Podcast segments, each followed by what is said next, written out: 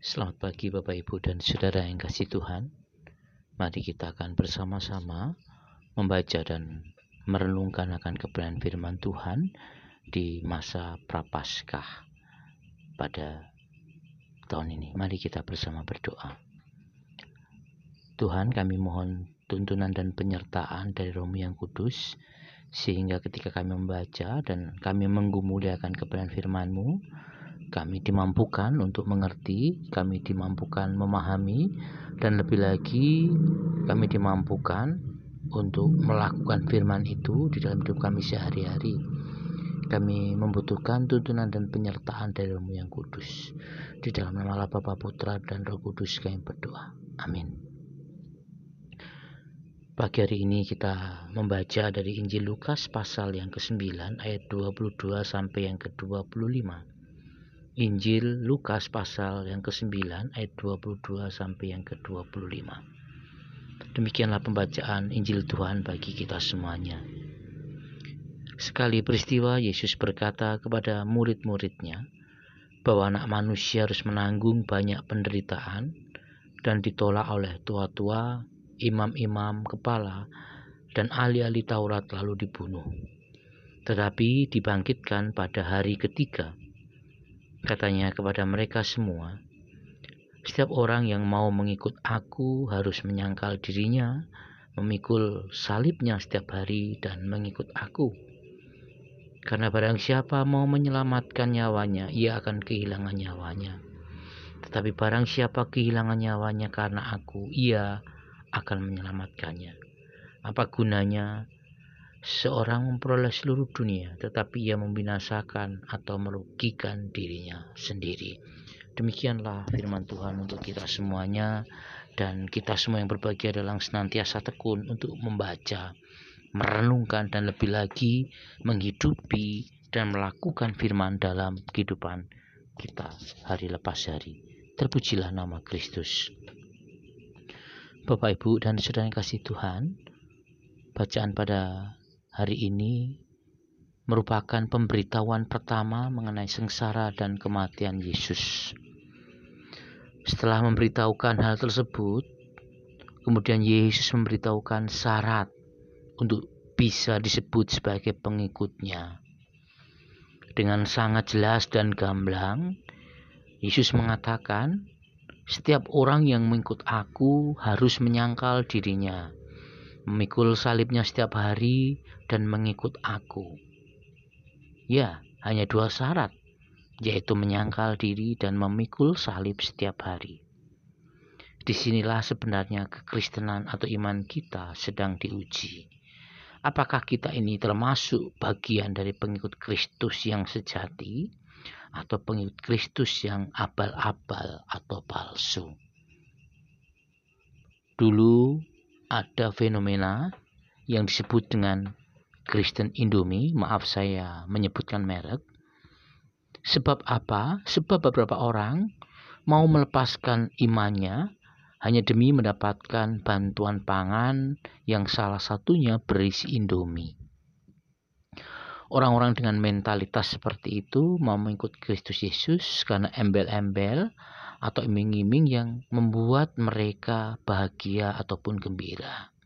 Entah karena tercukupi makanan mereka, karena membuat hidup mereka bisa glamor atau bahagia, bisa diterima dengan baik di dalam lingkungannya karena sama imannya, ataupun merasa hidupnya menjadi aman dan tidak terancam. Dan bukankah memang sudah menjadi kodrat manusia untuk merasa aman, nyaman, gembira, bahagia di dalam hidupnya, bukan? Tetapi apa yang disyaratkan oleh Yesus untuk menjadi pengikutnya, rasa-rasanya kok jauh dari aman dan nyaman ya. Apalagi dalam situasi kita sebagai orang Kristen yang hidup sebagai minoritas di negara ini. Ah, kok tidak enak sekali ya. Apakah menjadi pengikut Kristus itu tidak boleh gembira, tidak boleh bahagia, dan harus menderita. Tapi tunggu dulu, jangan membuat kesimpulan dulu. Pada ayat selanjutnya, justru orang yang berani kehilangan nyawa karena Kristus dan berani melepaskan dunia, dalam hal ini kepuasan materi, justru memperoleh keuntungan. Kok bisa ya? Mari kita lihat syarat pertama untuk bisa layak disebut sebagai pengikut Kristus, yaitu menyangkal diri. Artinya kita diajak untuk berani mengatakan tidak terhadap kehendak atau ego kita. Apakah berarti kita tidak boleh mempunyai kehendak? Tentu saja boleh. Tetapi kehendak di sini ditujukan bagaimana manusia itu mempunyai kecenderungan untuk memuaskan keinginan dan egonya sendiri. Ketika hasrat untuk memuaskan diri sendiri ini terus dibiarkan, maka segala cara akan bisa digunakan juga. Bahkan cara-cara yang jahat dan keji sekalipun bisa dipakai. Misalnya persoalan makan, persoalan sehari-hari bukan? Kalau kita tidak menekan dan mengekang nafsu makan kita, bisa jadi itu akan menumpuk penyakit karena kita makan secara serampangan dan sembarangan, yang penting enak dan puas. Bisa juga hasrat ingin memenuhi perut tersebut, kemudian ada beberapa orang yang melakukan pencurian ataupun pembunuhan karena tidak kuat menahan lapar. Kita bisa melihat banyak juga perusahaan besar yang terus melakukan invensi demi kemajuan perusahaannya lalu mengorbankan hak dan kehidupan masyarakat kecil. Artinya sesuatu yang kita anggap bisa membuat bahagia yaitu dengan memuja nafsu dan ego kita ternyata bisa berdampak buruk bagi diri dan orang lain bahkan alam ini. Apakah itu yang disebut bahagia? Penyangkalan diri justru membuat kita sadar bahwa ketika Yesus memintanya sebagai syarat untuk bisa disebut sebagai pengikutnya, itu demi kebahagiaan manusia dan seluruh umat manusia bahkan alam ini.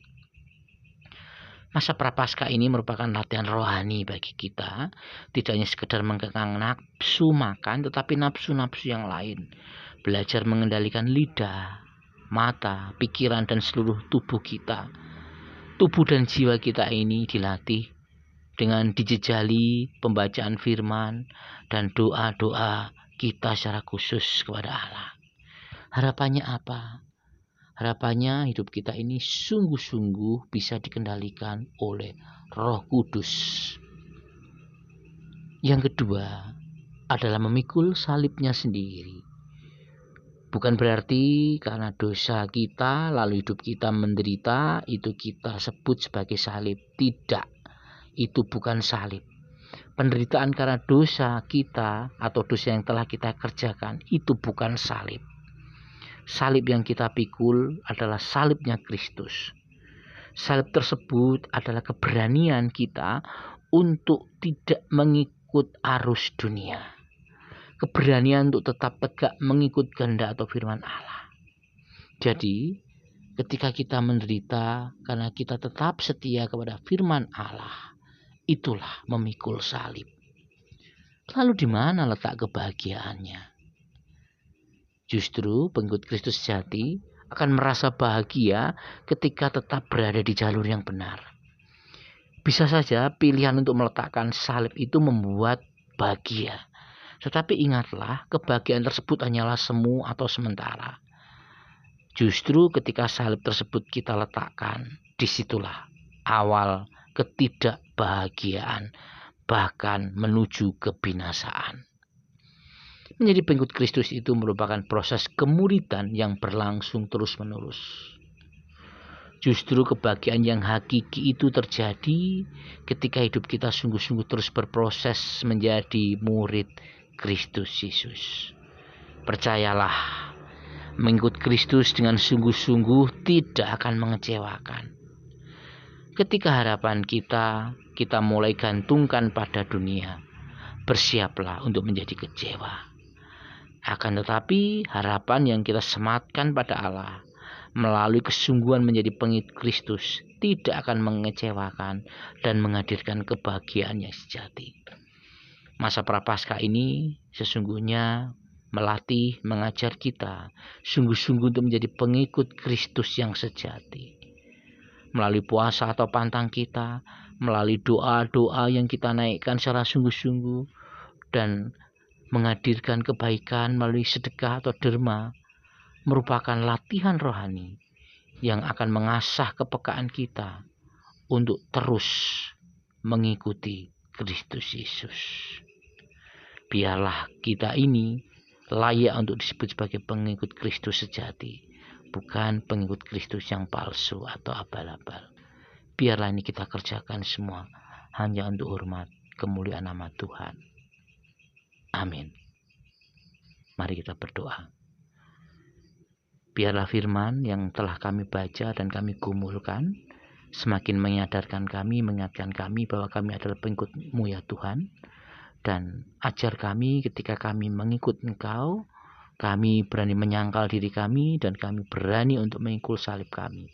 Itulah kebahagiaan sejati yang bisa, yang kami yakini, yang akan terjadi dalam kehidupan kami hari ini sampai selama-lamanya.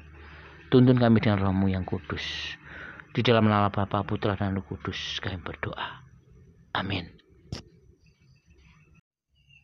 Selamat pagi Bapak Ibu dan Saudara kasih Tuhan. Pagi hari ini kita akan kembali membaca, merenungkan akan kebenaran Alkitab dan sebelumnya mari kita berdoa.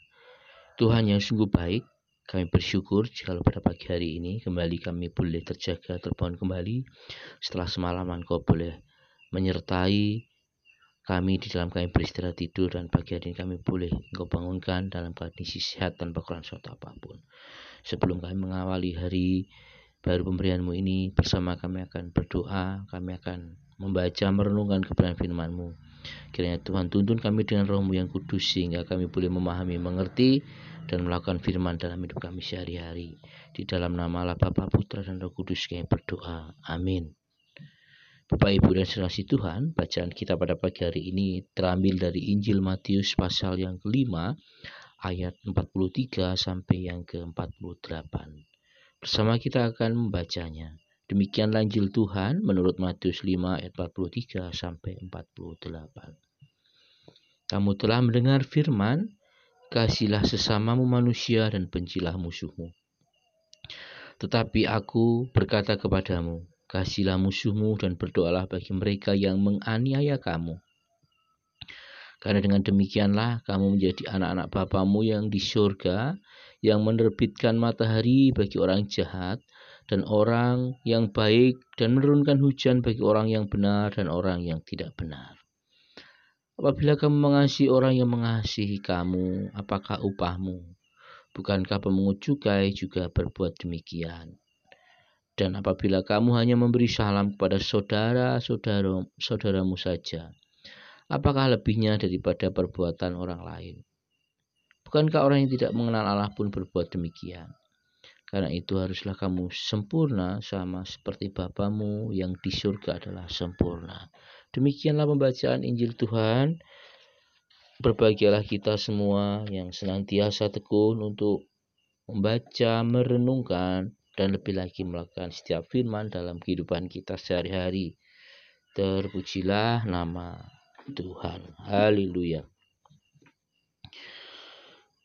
Bapak, Ibu, dan saudara-saudari yang dikasih Tuhan, ketika kita mendengar kabar tentang hal-hal yang tidak baik, baik itu saudara kita atau Mungkin seseorang yang baik karena sering membantu kita, membantu usaha kita, atau sahabat yang dekat dengan kita, yang baik kepada kita, sering membantu kita, dengan mudah dan sangat cepat kita mungkin akan mendoakan mereka supaya mereka segera terlepas dari kesusahan atau dari kemalangan sehingga mereka belum mendapatkan kebahagiaan.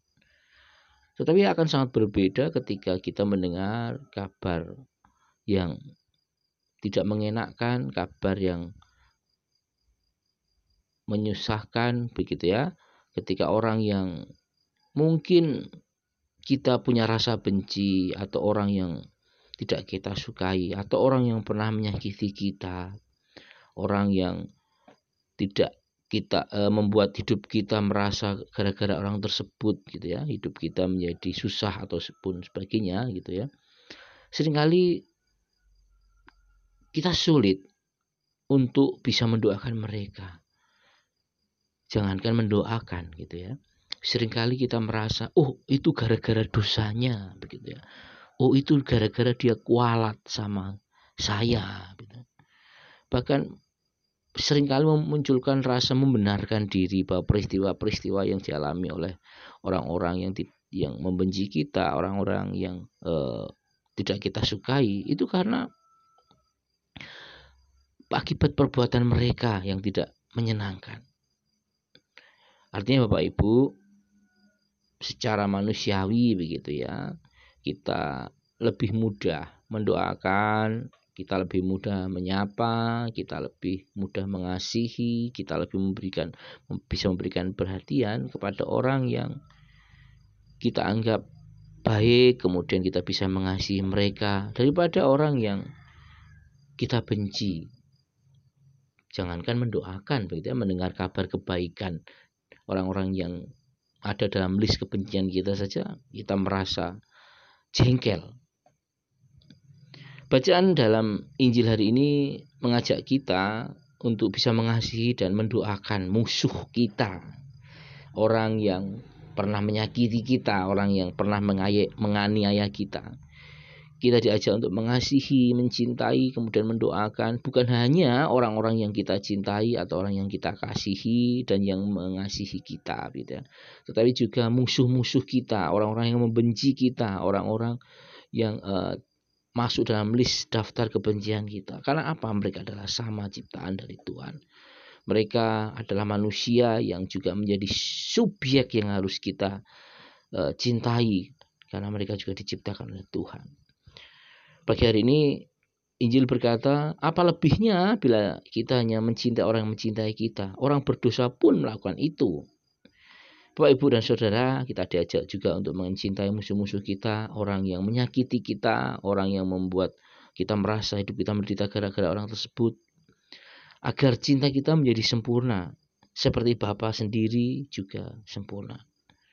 Kita tahu bahwa Allah Bapa mencintai semua orang entah mereka baik ataupun mereka buruk, entah mereka jelek ataupun mereka tidak baik gitu ya.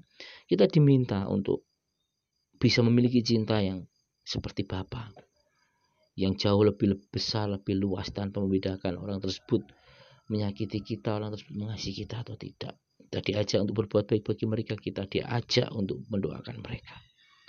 Bapak Ibu dan Saudara Tuhan, pertanyaannya, apakah kita rela melakukan kebaikan dan cinta yang juga dikerjakan oleh Bapa tanpa memandang orang tersebut baik atau buruk.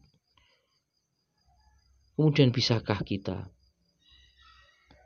melepaskan doa-doa bagi kebaikan musuh-musuh kita atau orang yang membenci kita? Bukankah kita sendiri ketika kita melakukan kesalahan, melakukan dosa, kita tetap dicintai oleh Allah? Mari bersama-sama kita mengoreksi dalam kehidupan kita. Allah mengendaki kita hari ke hari semakin sempurna dalam mencintai orang-orang sekeliling kita. Biar ini semua kita kerjakan agar hidup kita semakin serupa dengan Kristus. Terpujilah nama Tuhan. Amin. Kita akan berdoa. Kami bersyukur jika pagi hari ini Tuhan kembali Engkau mengingatkan kami kembali bahwa ketika kami mencintai, ketika kami mendoakan orang-orang yang ada di sekeliling kami, bukan hanya mereka yang kami kasihi, bukan hanya orang yang mengasihi kami, tetapi juga orang-orang yang membenci kami, bahkan sering kali pun kami membenci mereka. Karena engkau dan tidak membeda-bedakan cintamu bagi orang di seluruh dunia ini, di seluruh semesta ini Tuhan. Dan ajar kami untuk terus mampu mengembangkan cinta kasih yang lebih luas Tuntun kami dengan rohmu yang kudus sehingga cinta kasihmu itu melimpah dan boleh kami nyatakan bagi orang-orang di sekeliling kami. Ajar kami, sertai kami. yang di dalam Tuhan kami Yesus Kristus yang juga telah mengajar kami berdoa. Bapa kami yang ada di surga, dikuduskanlah namamu. Datanglah kerajaanmu, jadilah kehendakmu di bumi seperti di surga. Berikanlah kami pada hari ini makanan kami yang secukupnya dan ampunilah kami akan kesalahan kami. Seperti kami juga mengampuni orang yang bersalah kepada kami. Dan jangan membawa kami ke dalam pencobaan, tetapi lepaskanlah kami daripada yang jahat. Karena engkau punya kerajaan dan kuasa dan kemuliaan sampai selama-lamanya. Amin. Selamat pagi, selamat berkarya, selamat melakukan aktivitas. Tuhan berkati kita semua berkah dalam